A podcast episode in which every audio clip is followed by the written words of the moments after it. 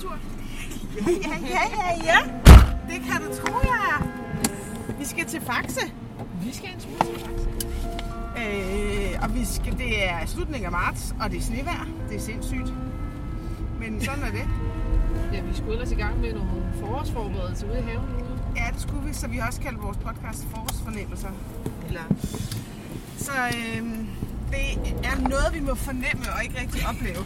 Øh, vi skal til Spirekassen Faxe og høre om, øh, om frø til haven. Gode begynderfrø, sjove frø, vilde frø. Øh, både grøntsager og blomster, og det bliver mega spændende. Velkommen til Høstnæstet. Vi er Hanne Højnike, og Charlotte Jul Sørensen. Kom med os på jagt efter smagen af Næstved og Sydsjælland. I en række podcaster vil vi besøge lokale producenter og høre om deres passion for det gode produkt og den gode smag. En smag, som vi vil give videre til jer lyttere. Vi skal nemlig også i køkkenet. Her leger vi med de lokale råvarer et forsøg på at finde smagen af Sydsjælland. Jeg vil sige, at jeg har brugt en del penge i den der spirekasse. øh, og jeg, for jeg, har, jeg er ny haveejer. Jeg har været have. Det er min tredje sæson med have nu, jeg går ind i. Og det er sværere, end man lige kan læse. Altså, det er sværere, end man lige tror. Ja, Jeg har ikke rigtig haft succes med noget endnu, faktisk. Og jeg har, virkelig, jeg har virkelig gjort meget ud af det. Men det, altså, hvis jeg skulle brødføde min familie ud fra vores have, så var vi døde nu. Ej, det er ikke godt. Nej, det er ikke godt. Øh, så det er, jeg, jeg vil sige, det er sværere. Det er sjovere, end jeg troede, men det er også sværere, end jeg troede. Drej til højre og følg Vordingborgvej, rute 22. Jeg er lige nødt til at give på, så kendte jeg ikke i Faxe. Nej, det er det. Vi er jo uden for vores, øh, altså vores hjemmeeje. Det må man sige, vi er taget helt til nabokommunen Faxe. Øh, Om og det, 600 meter tag tredje frakørsel af ring 7 i rundkørslen. vi befinder os nu på Vordingborgvej. Nej. Øh, og det er vi, fordi vi skulle, altså, vi vil gerne have en rigtig frøproducent, øh, som øh, private kunne, kunne øh, købe fra. Og det, den, der ligger tættest på os, det er altså den der spirekassen i Faxe.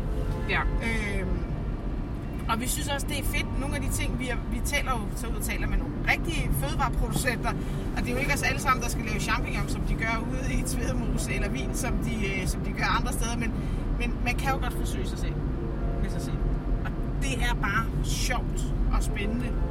Øh, og en kæmpe hobby, der er på vej frem. Så skal vi også lave, vi har lavet mad, af, vi skal lave mad af vild mad, kan man sige. Jeg har lavet ja. violsukker. Jeg, fik, jeg troede, jeg kunne plukke violer i min have, men det kunne jeg ikke. Jeg havde ikke en eneste viol. Så jeg har været øh, på, jeg har simpelthen skrevet ud på Facebook, er der nogen, der kan hjælpe mig? Ja. Og det øh, var der faktisk øh, to mennesker, der kunne. Jeg var oppe i går og plukke, inden sneen kom i en have i Appenæs, og så var der en anden sød dame, der kom forbi i søndags med en hel kasse fuld af violer med i græstørv, så øh, det var bare fantastisk. Ej, Så nu har jeg lavet det til sukker, og vi skal lave det til småkager. Ja. Så vi laver små hyggelige violsmåkager. Og du, 600 øh, meter tag første frakørsel af Ny Præstevej, rute 2. Jeg har været ude og finde et birketræ. Og bruge et lille hul i birketræ. For at samle noget birkesaft. Det er her i marts og april måned, man kan gøre det. Jeg har bevæget mig ud i min forældres øh, have herude ved Hyllinge og har fundet et birketræ.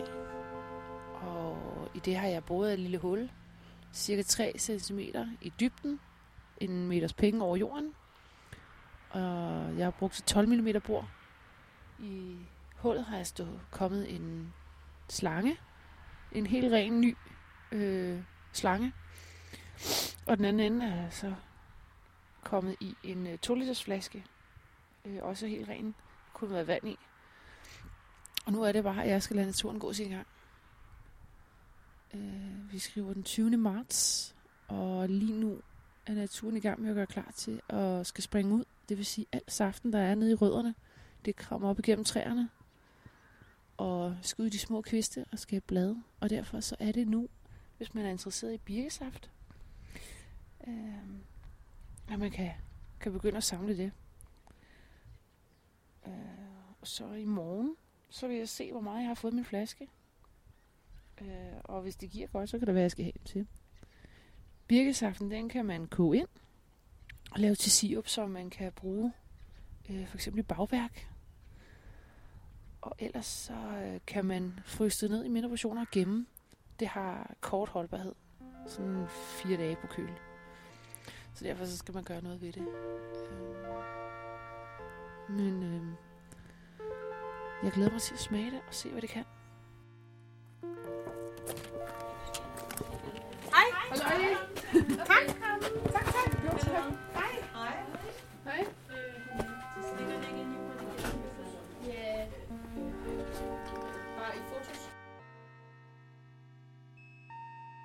Øh, jeg hedder Christine, og jeg, øh, jeg bor her på Spirkassegården.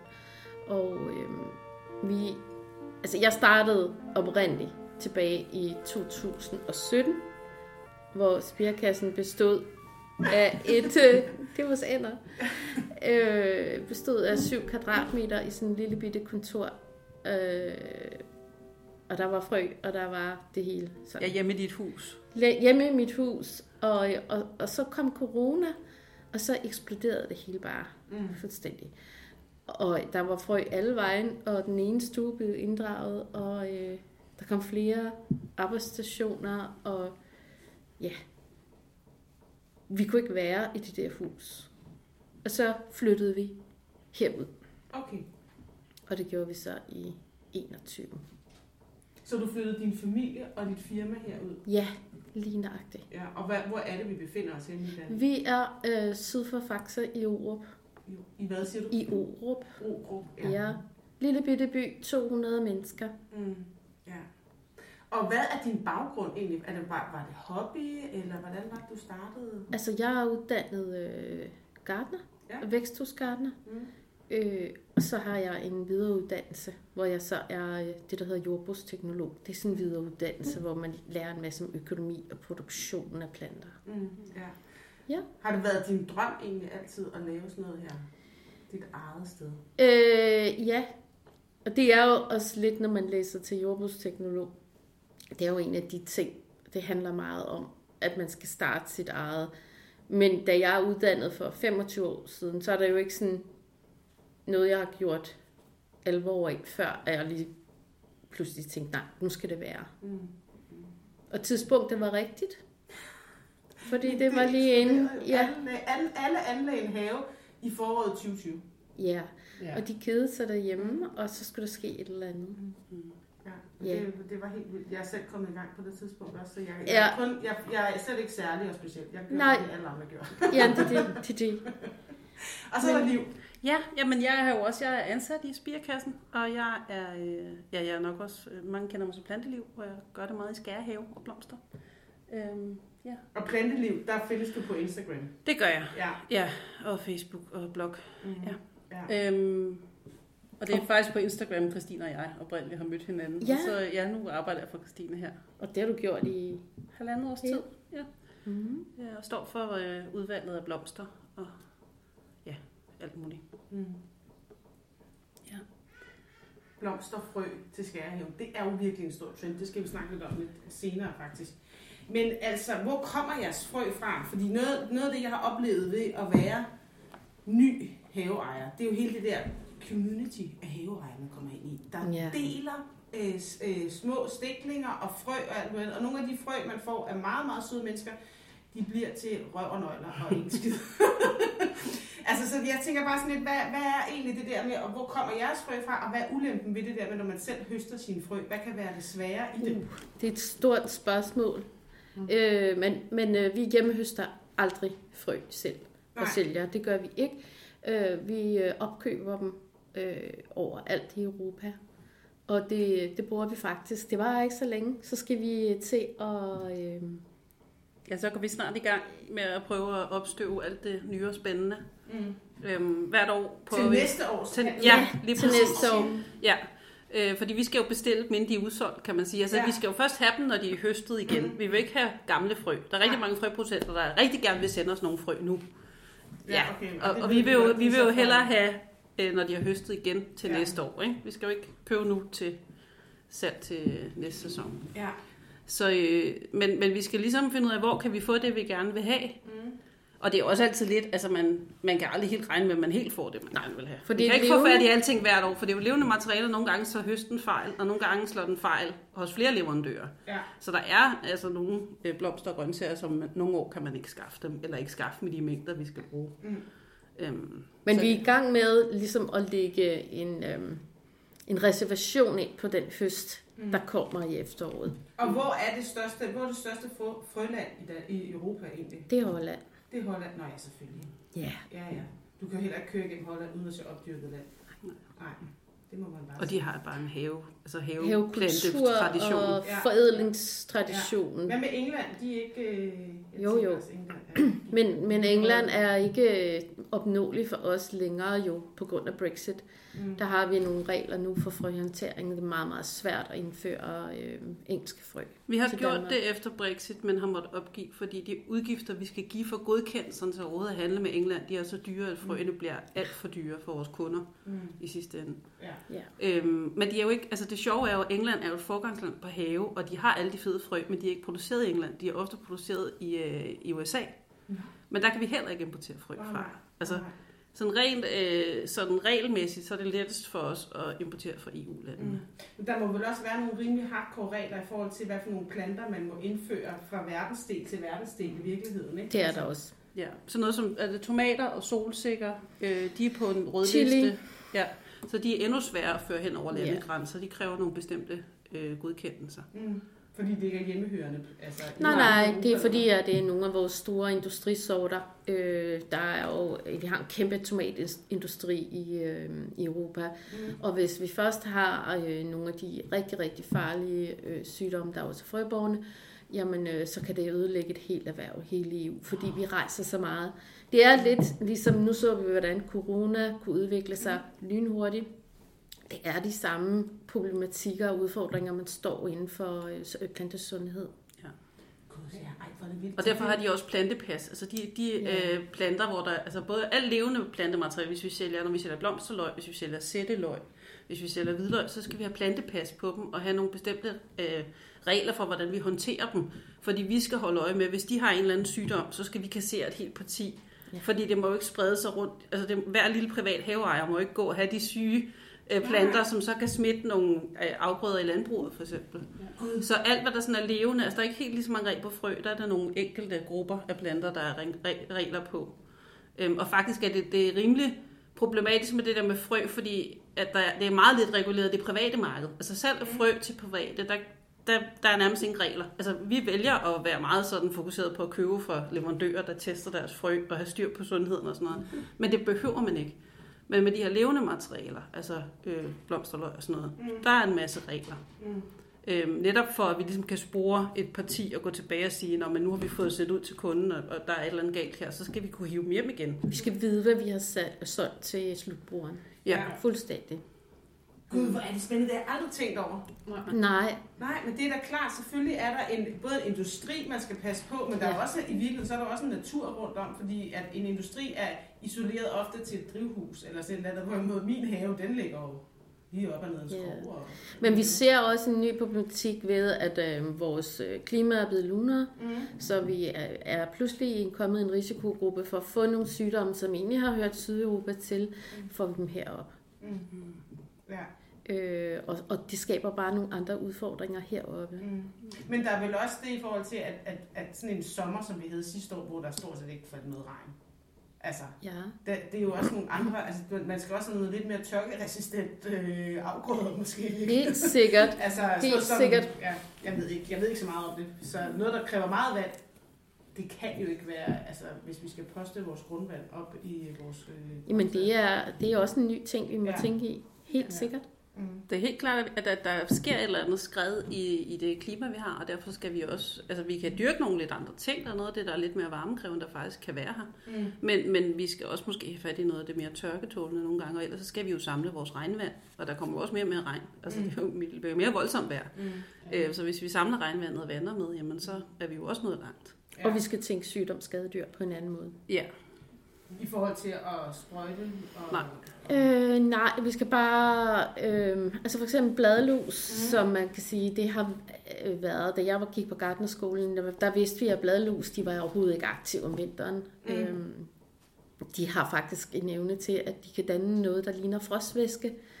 Øh, sådan så, at de, Jamen, det, det var meget smart, fordi så kunne de ligesom øh, overleve mm. øh, i drivhusene i en form for dvale. Og nu ser vi mere og mere, at bladlus faktisk ikke går i dvale, men når flere generationer af bladluse børn, kan man sige, af kloner, sådan så at øh, altså sådan noget som skadedyr med bladlus er jo meget mere fremherskende nu, fordi at vores klima har ændret sig. Altså jordlopper er jo en kæmpe ting nu også, ikke, der skaber problemer. Mm. Og hvad kan man gøre for, altså, er det nogle andre, altså fordi vi vil jo heller ikke, I, I sælger jo økologiske frø, mm. så det er jo ikke, I, I vil jo ikke sådan være fortælere for at bruge sprøjte. Aldrig, Nej. altså øh, nyttedyr. Ja. Mm. Helt sikkert nyttedyr. Med rovtæger og sådan noget. Yeah. Ja. Ja, det har jeg faktisk selv haft en gang, hvor jeg havde en masse små bladlus i en bøgehæk. Mm-hmm. Så købte jeg sådan, et, sådan et, øh, en flaske med rovtæger, og så... Det hjalp. Ja. Det var ret vildt, synes jeg. Nå. Men, men, men igen, du skal bare i gang med det der skadedyrshåndtering og sygdomshåndtering mange måneder før, end du har været vant til før. Mm. Fordi vinteren ja. ikke er så lang og kold ja. nødvendigvis. Ja, så den slår ikke de der, at vi har Nej. de der isvintre med Nej. lange frostdøgn efter hinanden, Nej. hvor de selvfølgelig, altså, det er klart. Hvor, altså, hvor bliver I inspireret henne til, nu talte jeg om lige før, at I skulle ud og købe, I skulle snart ud og se på nye frø og sådan noget. Hvad er sådan, hvor er det, I går hen og finder inspirationen og trend, at det, hvor I siger, det her, det bliver sgu spændende? Jamen altså Instagram er jo helt oplagt. Altså mm. der kan man jo se, når Gud i år er, øh, alle skal have ferskenfarver og aprikosfarver i mm. haven. Altså det er lige pludselig øh, det helt store. Mm. Altså så, så øh, kan man jo få en fornemmelse af, hvor folk sådan interesse flytter sig hen. Mm. Så nogle gange kigger vi også sådan i i, hvad hedder det, indretning, men der kan vi godt nogle gange brænde os. Altså, vi var helt sikre på, at de orange og brune farver ville komme helt vildt meget ind for et års tid siden, fordi lige pludselig skulle folk have kælimtæpper og 70'er-agtige møbler og sådan noget. Ja. Og så prøvede vi at sætte på at købe nogle af de orange, gule og brune blomster hjem, og det var folk altså ikke klar til endnu. Mm. Øhm, så, så, så man skal også lidt passe på med at tro, man er trendspotter. altså, øh, altså lyserød hvid, den holder hvert år. Den holder uanset, øh, uanset hvad. Og, og folk vil altid gerne have nogle tomater og nogle agurker og nogle gode sorter og ja. sådan noget. Ja. Altså, så, så er der lige den der tendens med de lækre græskar, ikke? Eller vintersquash. Ja. I øhm, nogle... Men ellers så kigger vi jo ja i bøger og blade og øh, Instagram og have. Men, altså vi har men også USA, en stor netværk. USA er helt klart et sted, ikke? Altså, jo. der er rigtig meget tendens, der kommer derfra. Ja, og vi har jo et stort netværk af havefolk, så man ja. følger jo også med og bliver inspireret. Og, mm. Altså vores kunder inspireres jo også, altså mm. til hvad de efterspørger. Mm. Øhm, og så, og så er der jo også ting, der ikke... Altså, jeg synes også, det, det, der, altså, det er sjovt, det der med gule og orange blomster i det hele taget. Det kan vi nærmest ikke sælge, vel? Altså, det, det er bare ikke interessant for, for de fleste folk. Ja. Øhm, og, og man kan jo blive lidt ærgerlig over det, fordi det er tit nogle ret sunde planter, faktisk. Øh, fordi det er sådan meget tæt på den oprindelige farve for mange af blomsterne. Ikke? Mm, øh, og det er også mange insekter er rigtig glade for gul. Ja, de kan se dem, øh, fordi de kan se dem og sådan noget. Så, så, så, så egentlig kan man godt blive lavlig over det, men man kan sige, at vi bliver også i høj grad nødt til at købe noget hjem, vi ved, at vores kunder vil købe. Mm. Øh, ja. Fordi ellers så, ellers så bliver der rigtig mange blomster, der ender i Christines have. Ja. altså nogle gange er det, ikke det, er det ikke det smukkeste, der ender i chefens uh, øh. Det er det, der ikke var nogen, der ville købe. Ikke? Ja, ja, ja det er ja. rigtigt. Ja.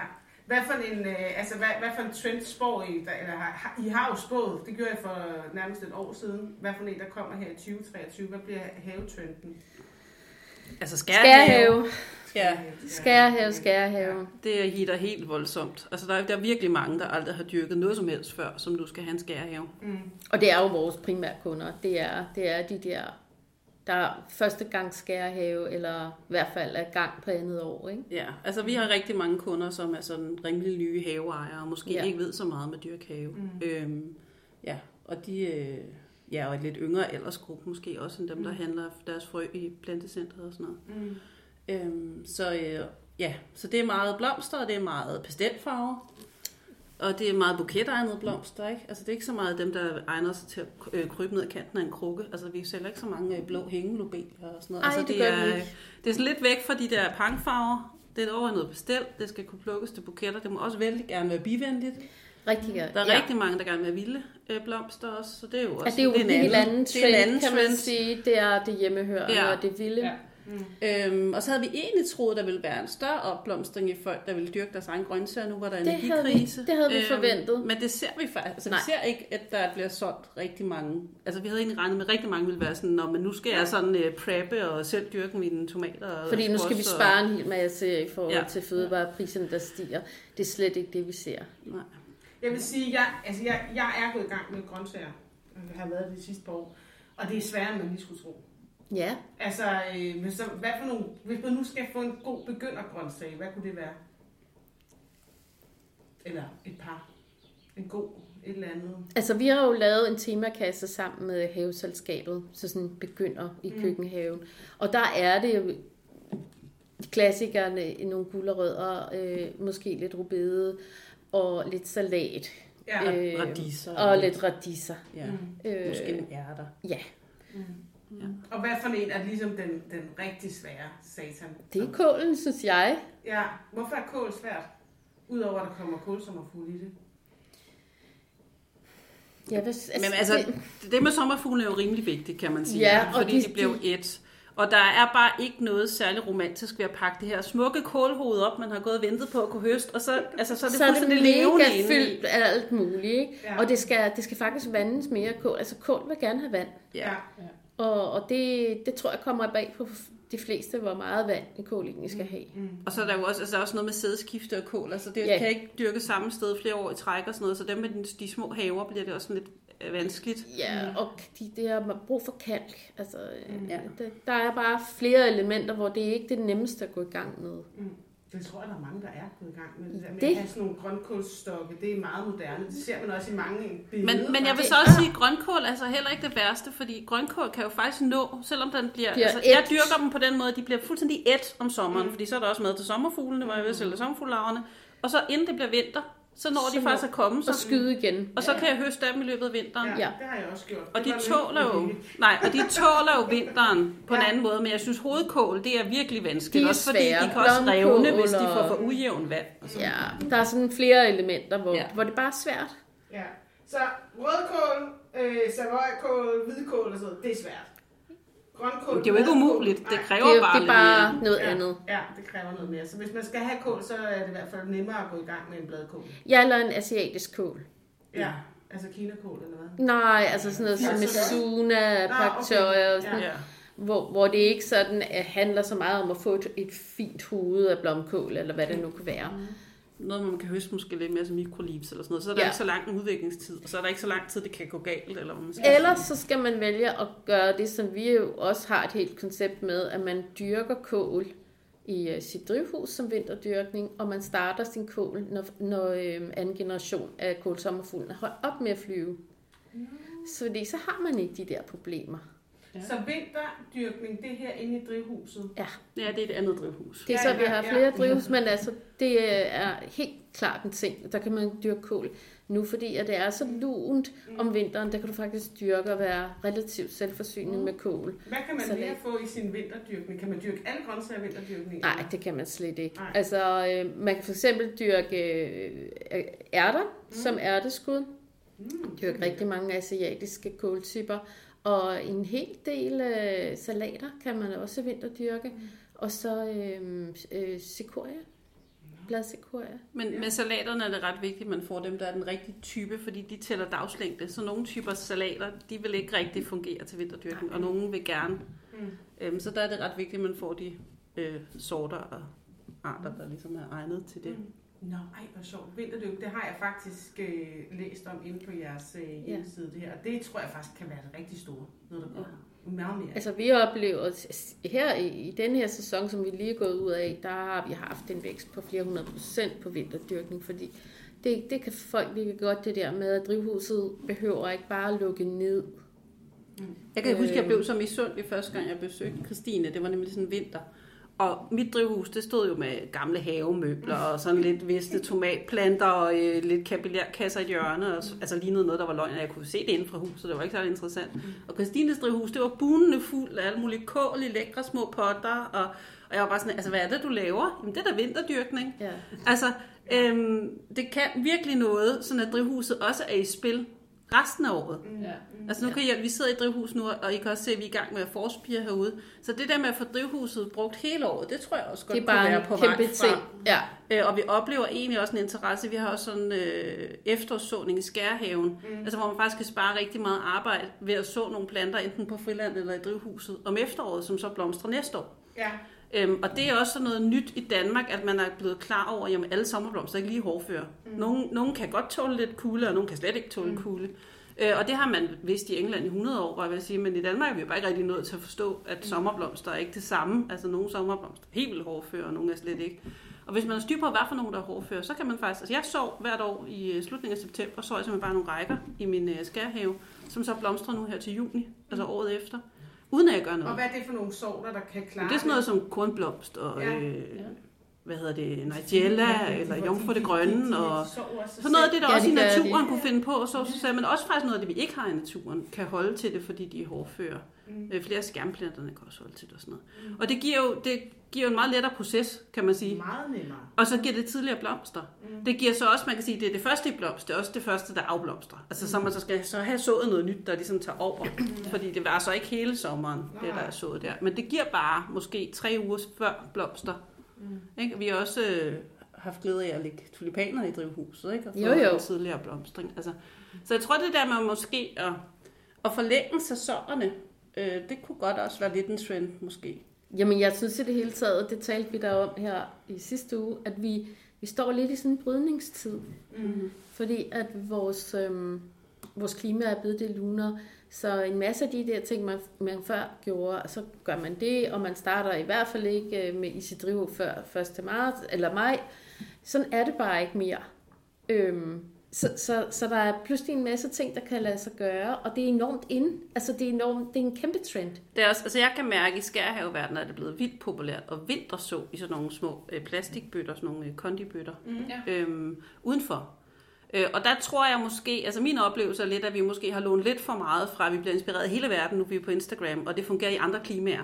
Jeg tror, det er lidt vanskeligt at få helt til at fungere rigtig godt, med sådan, fordi vi har jo lidt, så har vi forår, så er der 20 grader, og så i morgen er der frost, og så er der 15 grader, og så er der frost, Ja. hvor at det fungerer rigtig godt, hvis du er i et klima, hvor vi går fra vinter til forår. Mm. Altså hvis du kommer lidt længere op i Sverige for eksempel, hvor så smelter sneen, og så er det forår. Mm. Jamen så fungerer det rigtig, rigtig godt, fordi planterne begynder at spire, når de begynder at mærke, at det bliver lunere og lysere, og, og frosten slipper. Mm. Men her risikerer vi bare, at, at det bliver lunere i januar, og frosten slipper, og så kommer den igen, og så slipper den, og så kommer den igen. Og så, Men man altså, kan sige, at vi arbejder jo meget med, at vi laver flere dyrkningsforsøg hvert år. Og så noget som, at, at, at mange af de ting herover, det er faktisk øh, de sået herude i februar måned. Christine sidder og peger på nogle Øh, jeg har for sommerblomster. eksempel nogle sommerblomster, ikke? Og, hvor de både er noget statise og noget sommeraster, så ja, hvad er der mere? Der er noget evighedsblomst. Og, og sidste år var, såede vi de samme ting i marts. Nu prøver vi lige at rykke det lidt Mhm. tilbage, for at se, hvad, hvad kan gå, og hvad kan ikke gå. Vi prøver at oversætte mange af de der trends til, Til forsøg, og så se om det virker. til og dansk. Så, Ja. ja. Men det er jo også sjovt det her med at arbejde med levende materialer, eller hvad skal man sige, det er et frø jo. Altså, du bliver nødt til at, det tager jo den tid, det tager. Du kan jo ikke, Ja. altså du, du må vente, nå, så må vi vente til næste år med at lave forsøget to måneder tidligere. Ja, altså sådan, der, er ja. jo ikke, der er jo ikke det, og det er jo lidt det samme med en have. Når det, det gik galt i år, ja. Så må jeg ligesom huske det til næste år. Fordi Ja. der er jo ikke, altså, og det tror jeg egentlig også, måske er noget af det, der var også corona, der satte gang i folk. Men det tiltaler jo også rigtig meget mennesker. Fordi man lever i en verden, hvor man kan leve op på alt muligt, Mm. og du kan skifte job, og du kan skifte karriere, du kan gøre alt muligt. Det her, det er bare som det er. Ja. Og du må vente et helt år med at lave det om. Det er jo også derfor, Ja. vi kalder det det der koncept, som også er amerikansk, ikke? med slow flowers. Mm. At- at ting tager den tid, det tager. Ja, og hvad på at gå lidt ned i det koncept, hvad det betyder, altså slå, jeg forstår godt ordet en, en Men altså slow flowers, det er jo sådan et ord, der er udbredt bredt blandt de her blomsterbønder. Altså mm. man er jo inspireret af hende, der hedder øh, Erin Besekain, eller sådan noget, som har lavet Flow at Farm i USA, og som ligesom er hende, der har fået startet en hel bølge af faktisk kvinder, øh, mest kvinder i hele verden, der vil leve af at være blomsterbønder og dyrke blomster. Øhm, og det er helt vildt stort, og hun har lavet online kurser, og hun, øh, altså hun har udgivet nogle bøger, der er blevet bestsellers. Jeg vil tro, de er solgt i altså, 100.000 vis af eksemplarer. Hun er blevet en rig dame. Øhm, det vil jeg tro, ja. ja. Øhm, og, og hun er ligesom den, der har fået bolden til at rulle med det her skærhave. Det er også hende, jeg øh, mødte hos. Du Øh, må lige sende et link til. Altså, Ja. Det er kæmpe stort på Instagram. det er var kæmpe hendes stort. medie. Det er Øh, kæmpe stort nemlig. Og hun øh, tager de vildeste billeder. Hendes bøger er øh, så smukke, så derfor er det jo også blevet et kæmpe øh, hit. Øhm, hun dyrker sig et helt andet klima end også. Hun har sådan lidt kalifornisk klima, ikke? Så hendes blomster er jo... Altså, De når- kæmpe, de er og kæmpe det- store, og man tænker, den vil jeg også dyrke, og så dyrker man den, og så bliver Så den bliver en det- tiendedel så stor, ikke? Sådan en lille skuffende ting. Ja. Øhm, men, men, altså, men hun har inspireret folk, og det er også, altså det er hele den her blomsterbunde bevægelse, jeg vil faktisk kalde det en bevægelse. Det er lidt større i Sverige, end det er i Danmark, men det findes også i Danmark. Der er et øh, boblende øh, lag af folk, der bliver øh, Helt blomsterbønder. sikkert, helt sikkert. Øhm, og de kan snakke om slow flowers, fordi vi vil ikke have det der med, at det er opdrevet i et gardneri med kunstigt lys og kunstig varme. Vi vil ikke have, at det er øh, Transporteret. transporteret langt. Altså det er sådan et begreb for de her blomster, som ligesom tager den tid, de tager. Mm. Eller man skal sige, og har den tid, de tager. Altså, det synes jeg jo også er noget af det fantastiske, at der er jo sæsoner. Ja, ja. Det er der jo ikke i blomsterhandlerne. I blomsterhandlerne kan du altid få en gerberret, salalblad og en rød rose. Mm. Men, men altså, i naturen er der jo sæsoner. Du kan jo ikke plukke det samme hver dag året rundt. Øhm, og og det, det er jo en charme, men det er jo også, man kan sige, det er jo også noget af det moderne menneske. Så jeg tror, du har ret i, at man finder noget ro i, mm. at der ligesom er noget, det er noget jordbundet, noget groundedhed. Fordi det kan ikke gå hurtigt. Man kan ikke bare sige, at jeg har bryllup den dag, jeg vil have øh, 27 lilla astros. Men det er da meget fint. Men, Men den, hvis de ikke er den klar, dag er de ikke blomstrer klar. astros ikke nu. Men Altså- nej, Nej, lige præcis. Nej. Altså, jeg tror faktisk måske, du er ret i, at det moderne menneske kan finde noget ro i det der med, at, at det ikke er på vores præmisser. Mm. Det er ikke vores valg. Mm. Altså, det, det er naturen, der vælger. Jamen, det her findes ikke lige nu. Ja. Men det er jo også det samme trend, vi ser med vinterdyrkning. Og det tager nemlig rigtig lang tid at vinterdyrke i drivhuset. Men det, det er sådan, det er. Mm. Og det er måske i virkeligheden også meget klogt, at man i vinterhalvåret går ned i gear Mm. øh, og, og følger naturens hastighed. Mm. Noget af det, jeg ligesom lagde mærke til jer første gang, det var de der frøbomber. Mm. Altså, øh, som jeg også selv har prøvet at lave med børn i skolen og derhjemme, og jeg har købt nogle og sådan noget. Og det er jo bare sådan et, det, der kom jeg også lige ind i sådan et marked, der hed sådan noget med bivenlige planter og en øh, plads til naturen inde i haven og sådan noget. Ikke? Altså, hvordan går det med det, at det, hele den der trend, at den kører det stadigvæk, eller... Oh, altså, vi laver dem nok mest til virksomheder nu. Mm. Mm. Altså, vi sælger øh, frøbomber øh, til privatkunder, men vi laver dem tit og ofte i større mængder øh, til virksomheder. Som brandingprodukt til, nu skal vi på en messe, så vil vi gerne have øh, tre frøbomber i en fin papæske med vores logo på, vi kan dele ud til folk. Smart, Eller, smart, smart. Ja. smart, smart. Men Det hele den der bivenlige blomst og sommerfuglven, nu så jeg Åha, Jeg den har børn, er... der ser Ramachan stadigvæk, og Ja. ja. at, at nu så jeg bare, at de havde sådan forårs her, det er Ramachan redder sommerfuglene, ligesom Ja. vi har haft Ramachan redder bierne og sådan noget. Ja. At det, ja, vi skal sikkert ud og plante nogle sommervind, sommer, sommerfuglvenlige blomster her. Ja. Ja. Men det er en kæmpe trend. Altså, Det er en og det kæmpe kan vi trend. særligt mærke på vores virksomhedskunder, fordi de gerne vil give deres kunder eller deres samarbejdspartner eller noget, nogle vilde frø og sådan Mm. noget. Ja. Mm. Øhm, ja. Men, men, vi oplever nok også der, at der er en, øhm, en kæmpe mangel i forståelsen af, hvad vilde blomster er. Og hvad... Øh, øh, Mange Ja. tror bare, det er en mælkebøtte. Ja, Men, Nå. men det er jo så meget mere jo. Nå, men altså, der er jo den der med, at man, øh, så, så planter jeg nogle vilde blomster herover, og så står der kosmos som ovenfor og sådan noget, som ikke er, altså, hvad er vildt? Kosmos er jo ikke en, Nej. hjemmehørende. på ingen måde. Nej, og det, det er sådan nogle ting, hvor, hvor vi, vi også oplever, at der er, man vil rigtig gerne gøre noget godt, men, men man ved måske ikke helt, hvad vores, vores hjemmehørende flora er. Mm.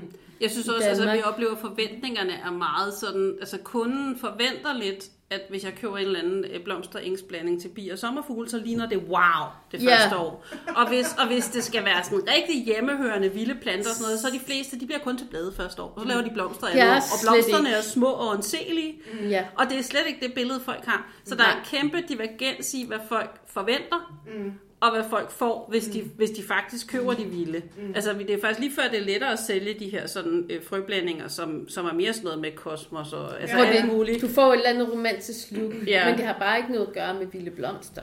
Og vi oplever, og vi oplever også, at der er, en eller anden, altså, der er også en eller anden mismatch i det, folk forventer, når de henvender sig til os og gerne vil købe øh, blomster til bierne. Fordi det er sådan noget, at det skal helst være øh, dyrket i Danmark, mm. det skal være økologisk, og det skal være hjemmehørende. Og så bliver man sådan lidt, ja, men altså, der er jo øh, faktisk nærmest ikke nogen, der producerer det her. Mm. Så, så markedet er, er meget, eller efterspørgselen er meget større end udbuddet af de her frø. Mm. Og når de bliver produceret, er det sjældent økologisk. Øh, fordi det er ikke nødvendigvis, det hænger sammen, det her med hjemmehørende og økologisk. Nej. Øhm, og, altså, så, så, det, så det, er sådan et, det er sådan et sted, hvor... Åh, og i virkeligheden tror jeg også, altså når jeg snakker med dem, der sådan arbejder meget med det her biodiversitet og sådan noget, så de er sådan lidt, ej, vi er så trætte af, at alle tror, de bare skal så en blomstereng, fordi i virkeligheden ville det være meget bedre, at de lavede en bunke sten i solen, eller et stykke grus, bierne kunne grave sig ned i, eller... Så jeg tror også bare... Og der er så mange misforståelser i det her. Rigtig mange. Og, og selvfølgelig er det godt, altså der er ingen tvivl om, min have for eksempel, som er helt fuld af blomster, og, og meget få af dem er hjemmehørende. Jeg har hjemmehørende blomster et andet sted, men min skærhave er helt fuld af blomster. Den summer af forskellige bier. Jeg har talt øh, syv forskellige vilde bier, og mm. Lige så mange forskellige sommerfugle. Og, og det er jo vældig fint, men det er jo ikke der, de kan lave en ny generation laver. Det skal de om i min forhave, hvor jeg har de vilde planter. Ja. Men jeg tænker, der er jo ikke noget, det er jo stadig vældig meget bedre, at de har alle de blomster, end at jeg havde en græsplæne, jeg slog to gange om ugen. Absolut. Øh, så, så man kan sige, det er jo også et spørgsmål om, hvad er godt og hvad er bedre. Ja. Altså, så jeg tror, jeg tror også, at så længe vi kan få folk til at dyrke noget mere, der Det er, også, det er som udgangspunkt altid godt. Det er jo altid godt. Ja. Men, men, men man skal tænke på, at det er lidt en voksenbuffet, du laver. Du skal Præcis. også invitere sommerfuglenes børn Præcis. ind i øh, haven, og det gør man jo ved de kedelige grimme blomster, som de spiser. Ja. larverne. Ja, de behøver ikke være grimme, de er bare ikke, de er ikke folks forventning af en stor, flot blomst. Nej. Fordi der er jo en grund til, at vi har forædlet videre på planterne. Og så, så oplever vi også lidt, at folk stejler over, jamen de bedste øh, farver til bi, det er jo det, er jo det gule, og det er violet, lilla mm. i et eller andet blåt. Ja. Og det er sådan, jamen det gider jeg ikke have i min have. Jamen, nej. nej, men så, Jeg tænker mere sådan lidt der 20 så og noget lidt, lidt, lidt peach-agtigt. Ja, og det ja, er bare, Måske lys lilla, lys lilla. Ja, altså det, og det er bare, altså, ja, alt der er forædlet er jo ikke bivenligt. Nej. Det kan vi jo så roligt. Ej, hvis det bliver meget fyldt og sådan noget, så kan bierne jo på ingen måde Ja. få, altså, komme ned til det, de gerne vil have fat i. Altså, Eller farverne og nektarspor, der forsvinder, og ja. Ja, så der er en, altså som I siger, der er, der er simpelthen noget mismatch i forhold til, hvad Ja. folk tror, de gør godt, og hvad der i virkeligheden er godt. Det kræver, at man sætter sig lidt mere ind i Men, det. men jeg synes også, man skal passe på med at blive sådan meget fundamentalistisk, Ja. fordi det er jo stadig bedre, at du har altså hvis en krukke på en altan med krokus i, der blomstrer i februar, hvor der ikke er noget andet i mils omkreds, der blomstrer, det er jo stadig væsentligt bedre, end hvis du ingenting har. Ja, ja, ja. En, Altså, og, og, og en, en kæmpe blomstrende skærhave, mm. altså ja, der er ikke så meget øh, øh, steder, laverne kan udvikle sig og sådan noget, men der er jo stadig meget bedre end en græsplæne, der bliver Ja. slået en gang om ugen. Ja. Altså, så, så det er jo også sådan noget med, at man skal også passe på, at man ikke låser sig fast. Altså, Man skal Ja. ikke være bange for at gøre noget forkert. Ikke nødvendigvis. Men man skal bare ikke tro, at den hellige krav er... Nej. Nej, nej det, det er klart, det er klart. Men øh, nu skal jeg lige se. Hvad med sådan noget... Øh, altså, grøntsager. Nu snakker vi, nu skal vi også lige snakke lidt om grøntsager. Ja. Jeg er meget interesseret i grøntsager. Ja, Altså, hvad skal man gøre? Fordi jeg synes, jeg har en meget sandet jord, der hvor jeg bor. Øh, og hvad kan man gøre? Ligesom for, altså, det er jo ikke hvilken som helst jord, man bare lige kan smide grøntsager ned i, og, eller, eller de der små spiger og sådan noget, som man har forspillet derhjemme indenfor. Altså, hvordan kan man jordforbedre, og hvad, hvad, er det, hvad er den bedste jord til grøntsager? Åh, men Åh. øh, det er jo næsten som også at sige, at øh, alle grøntsager har jo hver deres behov. Ja. Øh, og, og lige med jord, der, kan, der er der jo forskellige retninger. Mm. Også, øh, hvor jeg tror mere, du er til komposten og... jeg er til komposten og hestemod og Ja, sådan noget. Det er det, jeg øh, med. hvor og jeg med. går over i plantemulden og bruger jordforbedringsmuld, øh, jeg køber, ikke? Mm. Så, så det, det kommer jo an på mange ting, Ja. vil jeg sige. Øhm, ja, Okay, der er ikke sådan et klart svar, men det er, jeg har i hvert fald, det er i hvert fald meget er komplekst. vigtigt at finde ud af, hvad for en jordtype du har. Ja. Ja, Nå, men hvis du har en sandet det jord, for eksempel, så Ja. vil jeg tro, du får nogle lækre gulerødder, som bliver helt lige og pæne. og de er jo fine, ikke? så. Nå, okay. Ja, Fordi, men så er jorden ikke så løs længere nede, Nej, åbenbart. nej, fordi, nej. fordi det er det, jeg lidt har oplevet ved at dyrke gulerødder. Jeg dyrker dem nogle gange i højbede nu. Mm. Og der er min jord jo løs og lækker. Mm. og der bliver Og de fine. der bliver de lige. helt lange og lige og ligner sådan noget Ja. fra supermarkedet. Næsten Ja. uden de der mærkelige knuder, Ja. og som ikke Ja. er til at gøre Så rene det og vil sådan sige, noget. løs sandet jord, det er skide godt. Det er skide, og det er jo derfor, der bliver dyrket et hav af gulerødder på sådan nogle gamle inddæmmede fjorde og sådan noget. Ikke? Nå, altså, og sådan noget. ja, Ja. lige præcis. Fordi det er bare godt for Fordi det er bare et godt gulerødland. Ikke? Ja, Øhm, Især sådan noget med pælerødder, ja, Ja, der skal vokse lige. okay. fordi at der er vi jo også igen øh, en lille smule øh, forstyrret. Altså, med, at vi- vi opfatter, at en pæn gulerod er lige, mm. men i virkeligheden er det jo noget vrøvl. Om det er jo også, fordi den er let at rense. Det er mere det, Det, det jeg det, tænker. er jo industrien, ja, ja. og der er den jo, at det alt er godt, når, Ja. ja. når tingene, og ligesom at, at gurkerne Ja. ja. må heller ikke være for krumme, vel? Altså, Ej, jo, for de smager passer- godt, de krumme agurker. De smager tit Jo jo, men vi har jo, vores industri har jo også gjort os til, at vi er meget strømlignet med, hvordan et produkt skal se ud. Mm. Det er rigtigt. Og sådan ser det ikke nødvendigvis ud, når man har dem i sin egen have. Ej, det gør Nej, det Ja, altså ikke. Det gør det ikke. Nej, det gør det altså. Jeg tror faktisk også, at mange bliver overvældet over arbejdet med ligesom at rense og vaske og skylle og ordne. Og, overdrevet, øh, ja. fordi vi er jo vant Ja. til at få det, vi er jo vant til at få det pænt serveret i Ja. poser. Ja. Altså hvor alt det, der ligesom er grimt og svært, det er sorteret fra for os. Ja. Ikke? Ja. Og det er måske endda også lige skyllet lidt. Ikke? Men jeg siger også sådan noget som luning, hvis du har en øh, køkkenhave, ikke? Mm. Ja. Det er, og, eller så skal man udtønde rækker, og der er der noget arbejde. Ja, men jeg fandt ud af, at jeg, havde, jeg har haft held med rubeder. Mm. Og det var hyggeligt med at udtynde dem, fordi så kunne jeg faktisk bruge de der blade i salat. Lige netop. Og det synes jeg var ret, det, det læste jeg om, det synes jeg var ret smart, fordi ellers så sådan noget med gulerødder, nå, så er der bare, altså, at, øh, 80 procent af alt det, jeg havde sået. Det Ja, det er bare. svært. Altså, det synes jeg, det gør helt ondt i hjertet på mig. Ja, Og så var jeg ikke hård nok, og altså, men jeg synes egentlig, at det, det er rigtigt nok med luning. Hvis man er lidt derude hver dag, så er det sgu ikke så slemt. Nej, hvis man bare er over Ja, det. Så det er ja. først, hvis det vokser fra en, så bliver det, Så bliver det rigtig svært. træls. Ja. Ja, at gøre noget ved det. Så en god podcast i ørerne, og så... Ja. mm, lige netop. Ja, men Sina, du er jo født og opvokset ude på landet. Jeg er født og opvokset på landet. øh, bondegård. Det er jo ikke. Altså, så, så det er øh, byhusen. Og mine forældre har haft, har rigtig mange grøntsager. Ja. De har stadigvæk grønkål stående, og grovdyrene har ikke spist det. Og jeg har bare ude i søndags og hive pastinakker op, lige så fine. Ja. Ja. Ja. Jamen, jeg er også vokset op med Ja. selvforsynende køkkenhave, så Ja. selvom at det er blomsterne, jeg dyrker, så, er det, altså, så er jeg jo også lært op til, hvad man skal gøre, hvornår Ja. ja. en køkkenhave, og hvorfor. Og, Ja. så, men, men det tror jeg faktisk noget andet, der er ret spændende at snakke om, det er havedannelse. Ja. Ja, Fordi Ja. ja. vores generation og ned efter, der er simpelthen ikke ret mange, der har lært, hvordan man dyrker have. Nej. Og derfor er det helt nyt. Altså, helt nyt og, og svært, og alting er, altså, hvor, hvor dybt skal noget sås, hvornår skal det sås, mm. at det der med at tynde ud, altså, det er virkelig svært for mange med nye haver, fordi så ødelægger man jo noget, mm. man lige har sået. Altså, nu var det jo lige spiret. Mm. Øh, øh, når man, når man, der er virkelig mange af de der ting, som for, for mig, og sikkert også for dig, mm. som ligesom er vokset op med have, Ja. ja. jo er sådan helt grundlæggende, det sidder nærmest på ryggraden, når men nu er det forår, nu er vi sået, nu skal vi tynde ud, nu skal vi vande, nu skal men det vi... er sjovt, fordi det er jo ligesom vores forældre er nogenlunde lige gamle. Ja, Du er, du er lille, efterlever rosinen i den. pølseenden der. Men, men, men det er bare, vi er vokset op med vores forældre dyrket. Og det er bare super, super naturligt for os, fordi det har vi bare lært. Men vi har virkelig, virkelig, virkelig erfaret, at der er generationen, det er så din generation, kvinderne der i 30'erne, der er 30'erne rigtig mange, 40'erne. de har ikke, de har ikke lært at dyrke. Øh, De har aldrig nullet rundt i en køkkenhave med deres forældre. Og så bliver det pludselig svært, det hvis man ikke engang ved, altså, hvis man ikke engang ved, hvad vej frøet skal vende, var jeg lige ved at sige. Ja. Altså, Ja. øh, øh, og, og det behøver slet ikke være svært at dyrke køkkenhave. Hvad, hvad, er, hvad er den bedste guide, synes I, hvis man er altså sådan en ligesom mig, der fumler rundt? For at sige det helt ærligt, som det er.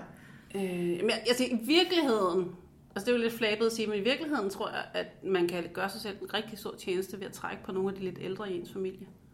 Altså simpelthen tage sin mor eller mormor, eller hvem man nu har. De har helt sikkert dyrket. under armen, første gang man kaster sig ud i dyr Ja. køkkenhave, og få lidt gode råd og tips og tricks. Ja. Fordi så får man sådan lidt mesterlærer. Ja, Øh, og det tror jeg faktisk, man kommer rigtig langt med. ja. Og så tror jeg også, altså man skal også ture. Altså jeg oplever lidt, at nogle nye næsten ikke tør noget, fordi de er bange for at gøre noget forkert. Man skal ture lave sine egne erfaringer. Mm. Altså man skal ikke kun gå på Instagram eller på et eller andet og prøve at se, hvad gør alle andre, og hvad gør jeg nu forkert. Og sådan. noget. Man skal også ligesom bare prøve sig frem. Mm. Altså det, er det er jo også faktisk noget af det, hvor vi, når vi tager helt nye blomster ind, som ikke rigtig er dyrket i Danmark før, og sådan noget, eller nye grøntsager ind, så noget af det, vi jo gør, det er jo, at vi eksperimenterer, virker det eller virker det ikke, mm. før vi sætter det til salg. Ikke? Mm. Og det tror jeg, det skal man også, når, som ny køkkenhaveejer, skal man også bare ture, så kan man måske sætte øh, en hel række gulerødder, og så skal man se, når man, hvis jeg, jeg synes, det der med at tørne ud er lidt farligt, så tørner jeg halvdelen ud. Så ser så jeg, ser hvad jeg, hvad forskellen bliver. Mm. Fordi så lærer man jo noget af det. Men øh, jeg, jeg, jeg Altså- havde en kunde i går, der ringede, og så siger hun, øhm, det var simpelthen hendes første år med det her med køkkenhave, og øh, som hun sagde, "Jamen, jeg har altid stoppet der, hvor at jeg skulle til at grave noget græs af, og jeg skulle grave, og a- alt det der. Og det var for meget, og, og arbejdet var for, for omfattende. Hvor hun siger, det er simpelthen så smart det der med, at man bare kan købe en palleramme, og så kan man putte noget muld i, og så, kan jeg, så er jeg i gang. Mm. Øh, altså der er, der er nogle ting, hvor det er relativt tilgængeligt nu. Mm. Jeg tror også, man skal starte småt. Man skal altså, starte småt. Det er nok egentlig det, vi vil sige. Start småt, og, og være ikke så bange for at gøre noget forkert. Nej, det er ikke atombomber, vi dyrker. Nej. Det er bare Nej, Men dem, ja, der starter, dem, der starter med 300 kvadratmeter, så, ikke? så kører man kold, vil jeg sige. Ja. Og der, også det der med, at man lærer jo også hurtigt, altså de sådan typisk begynderfejl, at man, man så lige tre rækker øh, salat, fordi man tænker, der var jo masser af frø i posen, og så finder man ud af, gud, så meget salat kan jeg jo ikke spise på en gang, Nej. inden for en uge. Altså, man Også bliver, fordi det bliver jo det bliver jo moden på samme tid. Det er jo det, man ud, gør. og så Det står bliver jo helt klart. Med en masse Ja. rødne salat. ja, Ja. ikke? Altså, salat skal man så hver 14. dag, for og eksempel så en lille smule. måske lige en lille Ja. bitte Ja. stykke, ikke? Ja. Men Så- det lærer man først, når man har stået. Ja, Altså, man skal prøve alle de der, og det er Ja. helt okay Ja. at lige komme i alle de der. Så det tager mange år, før man er selvudlært grøntsagsdyrker i sin have. Det, kan, det, det, er noget, man skal sige, det er ikke noget, du lærer første år, heller ikke andet år. Måske tredje Jamen, år. der er den igen, den der, at det tænker tager tid. Ja. Men man er vel heller aldrig færdig. Altså, jeg bliver da også ved med at møde nye afgrøder, jeg aldrig har dyrket før. Jeg skal prøve at lære, hvordan virker det. Mm. Og det er jo en del af det, der er glæden med at gå i haven. Det er at opdage nye ting, og så lære at mestre dem. ja. Men der tror jeg nogle gange, vores, altså, jeg tror nogle gange, vi glemmer, at det er helt okay at fejle. Altså, og det er faktisk vejen til næste læring. Mm. Og, og det glemmer vi også, når vi går i haven. Altså, det, det skal Jeg være tænkte- perfekt, og ellers ja. er det ikke okay. Mm. Og det er ikke perfekt. Man skal helst kunne tage et lækkert instabillede. Altså, Og så det er ikke altid sådan, det er. det er ikke det første år, man får den der store kurv fuld af tomater i alle farver, og agurker og gulerødder, der ikke har huller i og sådan noget. Altså, Nej. og, og det er okay. Og måske får man det aldrig, faktisk. Nej, og det er okay. Ja, det er det. Hvad, øh, hvad, for en, hvad for noget har I lige, altså i forsøgskassen nu? Altså hvad for noget prøver I ligesom at se, kan det her, har I... Altså, jeg er i gang med at prøve at se øh, franske anemoner. Øh, Ja. Dem ligger jeg, lige nu ligger jeg øh, 10 hver måned den første, for at prøve at blive klog på, hvornår er egentlig det bedste sættetidspunkt. Øh, fordi at der er så mange, det er sådan nogle små knolde. Ja.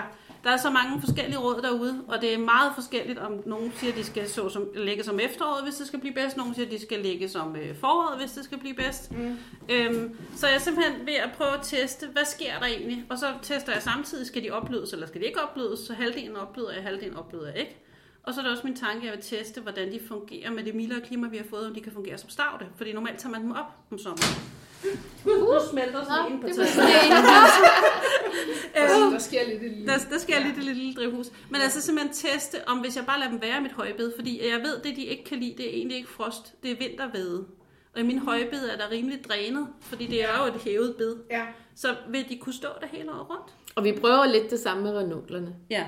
Men, men det er sådan nogle, altså vi bliver ved med sådan at, at tage et eller andet op, hvor vi tænker, vi ser måske et råd, og jeg har også testet det her vinterdyrkning, altså, og, og jeg, jeg ved, at nogen lykkes med det, men jeg er i hvert fald ikke kommet mål med det endnu. Mm. Øhm, altså når jeg ser sådan nogle råd, som sådan bliver lige pludselig en trend, så tager jeg, altså kan jeg få det til at fungere, og hvorfor fungerer det ikke? Mm. Og hvad siger min, altså jeg er også uddannet inden for det grønne, øhm, hvad siger min faglighed mig? Øh, vil det virke, eller vil det ikke virke? Mm. Og så teste det af, ikke? Mm. Altså, hver gang man ser sådan noget, der lige pludselig bliver en trend, hvor man bliver alligevel sådan lidt øh, måske trykket på de der enten, altså så bliver man i tvivl, er det traditioner, der gør, at vi gør det på en anden måde normalt, eller er det faktisk, fordi det andet fungerer bedre? Mm. Hvorfor? Hvorfor? Ja, det Ja. elsker vi lidt. Altså arbejde med de der undringer. Mm. Og så kan man sige, at den her, nu sidder jeg lige med sådan en dyrkningsbakke, hvor vi har egentlig to spændende ting, fordi øh, sidste år tog vi, øh, lavede vi nogle prøvedyrkninger med, med celosia. Hvad er det? Ja, det er sådan en blomst, der ligner lidt en hanekam. Det ligner øh, faktisk lidt en hanekam. Man ser dem nogle gange tørret, og de er meget øh, moderne det der blomsterbundeværk. Ja, øh, og der, vi prøvede at dyrke dem sidste år, og fandt ud af, at de faktisk er ret varmekrævende, og de faktisk også skal slet ikke have noget vind og flere sådan elementer. Der er svære i Danmark. Den er, ja, og, og samtidig så, så er det ikke noget, man dyrker rigtigt mm. i Danmark, fordi vi nok lige er på kanten til, at det er, det er nok lidt for råt et klima, vi har. Men, men alligevel, der gik det rigtig godt sidste år med spiringen, og så i år har det drillet. Ja. Altså, og det er jo Vi sidder og kigger på en virkeligheden. Vi sidder simpelthen nu, og Som hvor vi, vi er så, ja, sådan lidt halvtom, ikke? Så det Hvor- vil sige, at det her, der ikke er spiret, det, Ja. det er sået på samme tid som det her, eller hvad? Ja, det er det. Øhm, men, men i år er det drillet. Og det er jo bare, det er jo virkeligheden. Mm. Det er jo simpelthen Men virkeligheden. det er sjovt, for jeg har sået de samme, og de er sprunget op af jorden. Ja, ikke? Ja. Øhm, og så blå halsurt har vi her, som øh, vi... Du kan se en plante der. Og, Det, og den er dernede, mikroskopisk. Okay, du ja, den? og, og så på samme tidspunkt, Jeg kan og, godt se de små kimblade, der Ja. ja. Den er meget lille og, en, og enselig der. Ja, og, og, og det er også sådan en af de der, som, som det er sådan en, man ser hos blomsterhandleren. Altså Ja. det er sådan en, når du går ud og køber en buket, så er den ofte med i buketter. Og hvad hedder den, siger du? Den hedder, ja, den hedder noget så sjovt og fantastisk som blå halsurt. Blå. Ja, Ja, ja. Og er det ikke bare et dejligt salgsnavn? Jo. Jo. Jo, men der er jo sådan noget over de der danske blomsternavne. Ja, den hedder Trachelium caroleum. Øh, og øh, det, det som, hvad hedder det, vi gerne ville, det var jo at kunne tilbyde de her lidt specielle, sådan meget blomsterhandlere, um, altså blomsterhandlere eller blomsterbunde målrettet, fordi rigtig mange af vores kunder går op i det her skærhave, mm. og for at give dem næste trin, give mm. dem det, de ser i USA og sådan noget.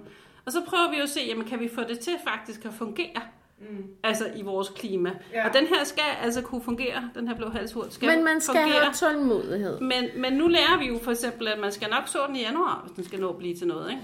Ja. Fordi her sidder vi og kigger på noget, man skal se med lup.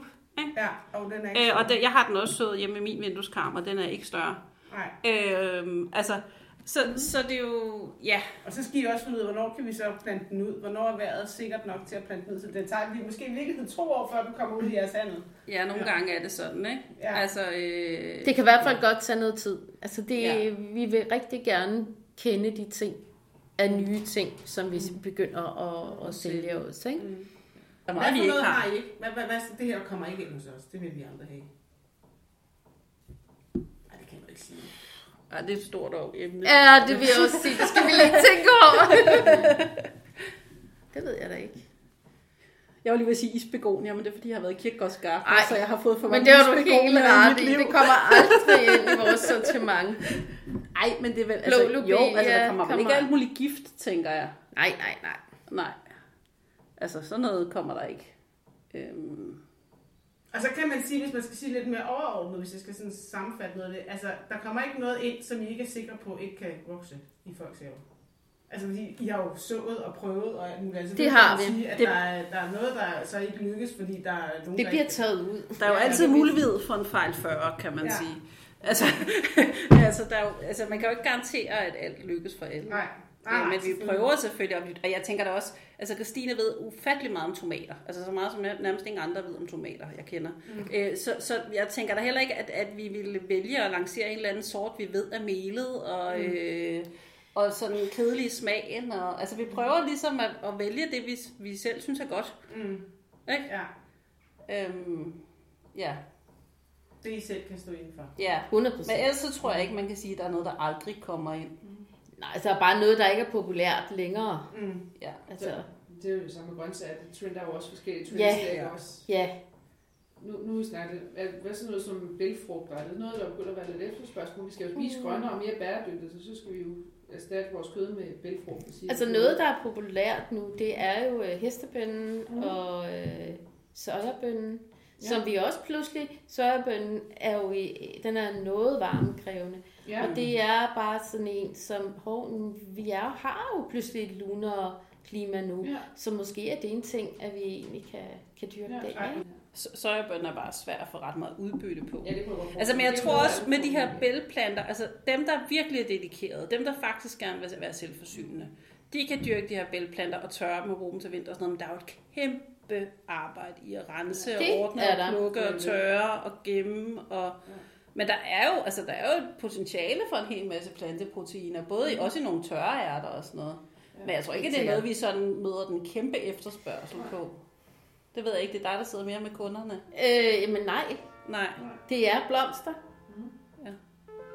Altså, vi er jo virkelig forundrede, fordi vi jo netop tænkte af energikrise og sådan noget, at, at så ville altså, vi få et, et opblomstring i grøntsagssegmentet, ikke? Men det er altså sådan noget, hvad er det, 80% blomster, vi sælger, Ja. eller sådan noget. Og så fik vi lov til at købe ind til vores egen forårshave i butikken under kyndig vejledning af liv. Altså hvis jeg nu har sådan lidt en, en øh, altså sådan lidt en sandet jord. Ja. Men, altså, du har gødet dem med et eller andet, ikke? Jo, jo, jo, jo, det kan altså jeg Det har gør fået- du. Ja, ja. Det- ja, det lover ja, du ja, mig. Ja, ja, Ja. okay. På spejder, jeg nu gør jeg Altså, fald. altså for eksempel med hestemor eller kompost. Altså noget, Ja. der forbedrer jorden. Ja, ikke ja, bare sådan ja. noget kunstgødning. Nej, nej. Men, men hvad kan du lide? Kan jeg. Der er ikke nogen præferencer. Jo, selvfølgelig har du det. Er du til pang eller pastel? Er du til store blomster eller små blomster? Altså, det er noget, der ikke kræver alt for meget. Det skal være let at dyrke. Ja. Det skal blive wow-agtigt. Ja, eller bare, det, må, det, det, det, det, det skal bare være nemt. Det er jeg mest til. Det skal bare være nemt. Ja.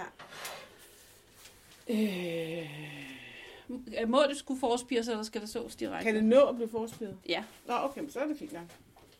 For så synes jeg, du skal prøve en statise. Ja.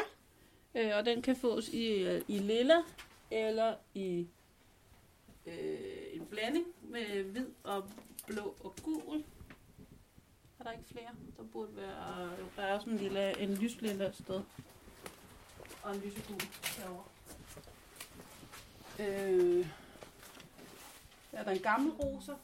Åh, oh, det lyder flot. Ja. Det er noget for mig. Øhm, det er sådan en, øh, man tørrer, men den er også rigtig god frisk Nå, i buketter. Den kender jeg godt. Ja. Ja, og den skal man Og den forspire. giver nemlig vildt, ja, men den giver Ja. ja. vildt mange blomster Ja. på en sæson. Ja, Ja. Det er derfor, jeg synes, det var ja. en god idé. Den kender jeg godt. Jeg kender den godt. Den har ligesom også en lille gul inde i midten, har den ikke? Jo, jo, ja. jo. Ja, ja, ja. Øhm, det synes jeg, du skal have. Så skal du have en eller anden lækker frøkenhat. En lækker frøken. Hvem vil ikke gerne have en lækker frøken hat? Men skal den, altså, skal den være blandet farve, eller skal den være en farve? Det bestemmer du. Okay.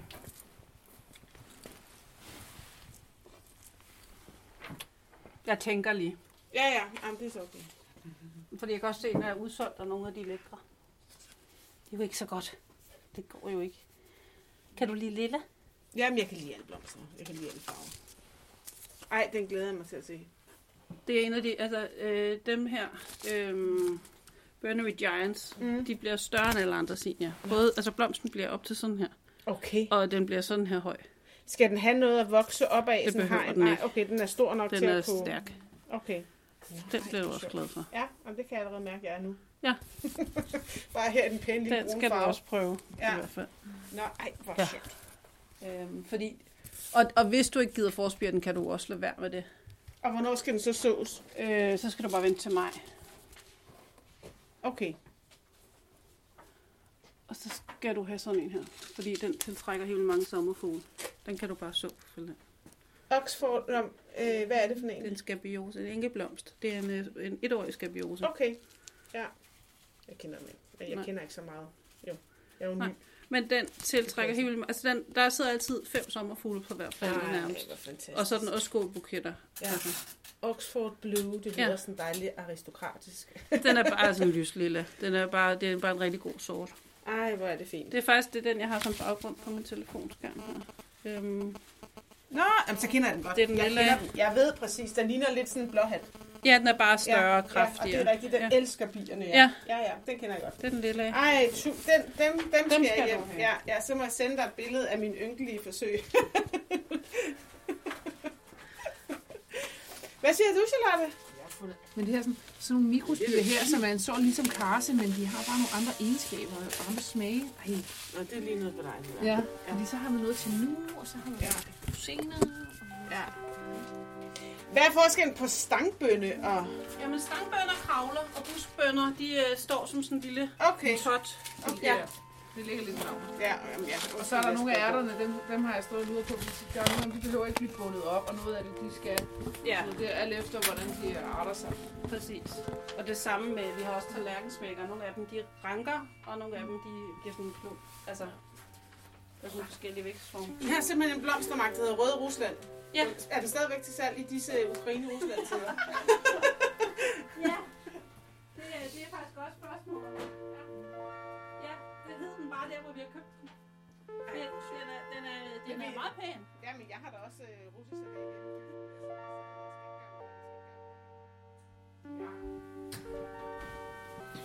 Nu har vi været ude og besøge blomsterbunden nummer uno.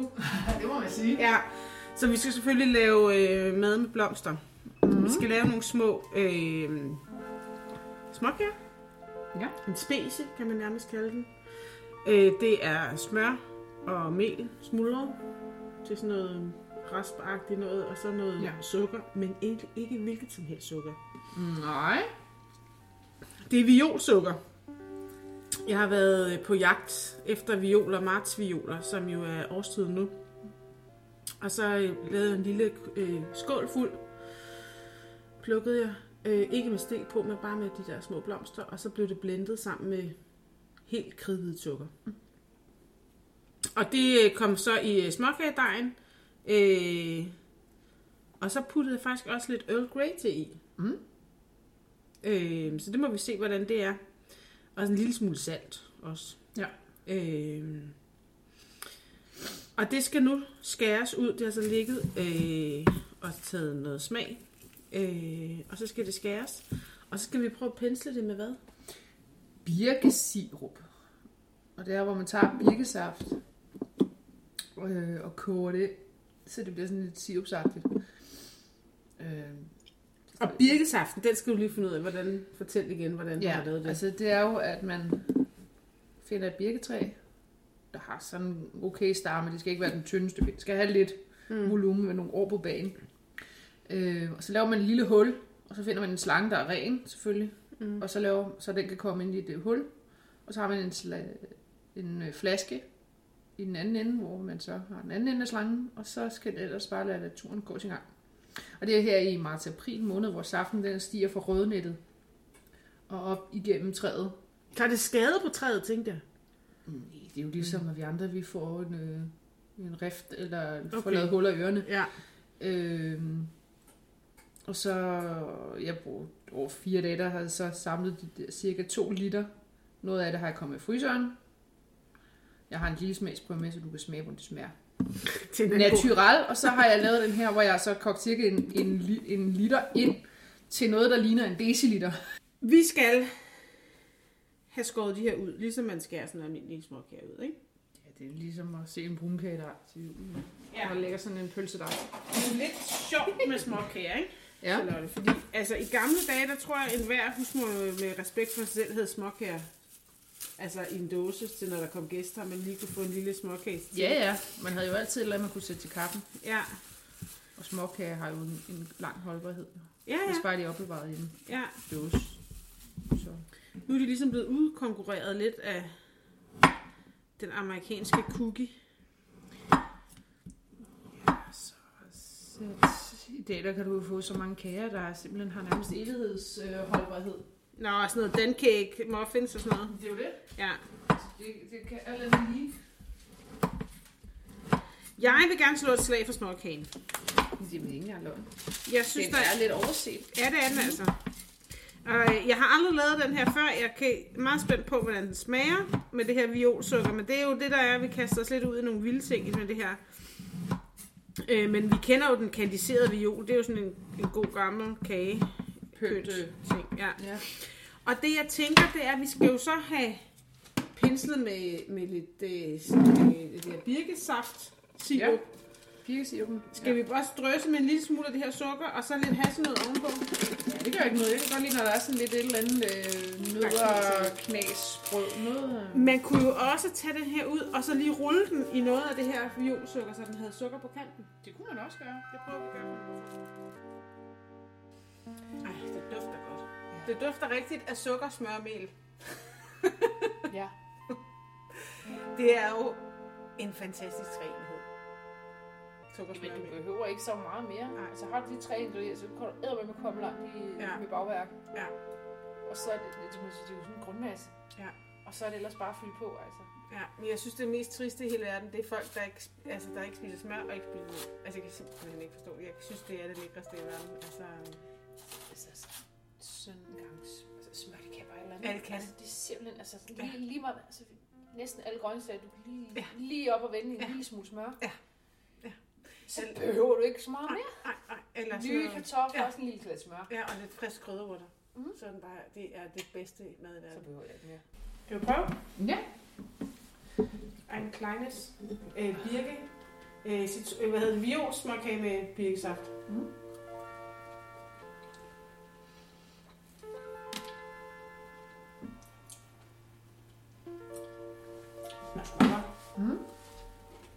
Kan jeg godt køre nogle stykker. det gør løgn. Han til eftermiddag var man træt. Mm. Altså, prøv lige, altså lige nu der sidder jeg bare og tænker på, sådan lige sted ude, lille bord, Mm. ude i solen, Ja. lille kop te, Mm. god podcast i ørerne. Vil I se billeder eller finde opskrifter, så kan I gå på Facebook og Instagram og følge Elst i Næstved og Jules Madhåndværk. Tak til Christine og Liv fra Spirekassen for at invitere os indenfor i drivhuset og fortælle om deres passion og for vigtigheden af høj faglighed. Bag mikrofonerne var det Hanne Højnicke og Charlotte Jul Sørensen. Ulla Britt Simonsen har lavet musikken. Tak fordi I lyttede med og hjalp os med at høste Næstved. Ej, hvor er der også mange tulipaner på vej op der, var. Ja. Men det er, jo, altså, det er jo det der med, at vi sælger dem, ikke? Så når der, der så ligesom ikke var flere, der skulle sælges, så... Øh, Så putter vi dem i jorden. det der, det er altså anden års blomstring. Ja. Ja. Mm. Det er meget. Det, altså på den måde må du få en virkelig flot have. Ja, ja, men jeg har i hvert fald mange tulipaner og blomsterløg og alt muligt, ikke? Ja. men det er ikke altid, du har så meget tid til at passe. Nej, nej, det Du er arbejder, du arbejder non-stop. så- Ja, så det har jeg ikke. Jeg passer kun skærhaven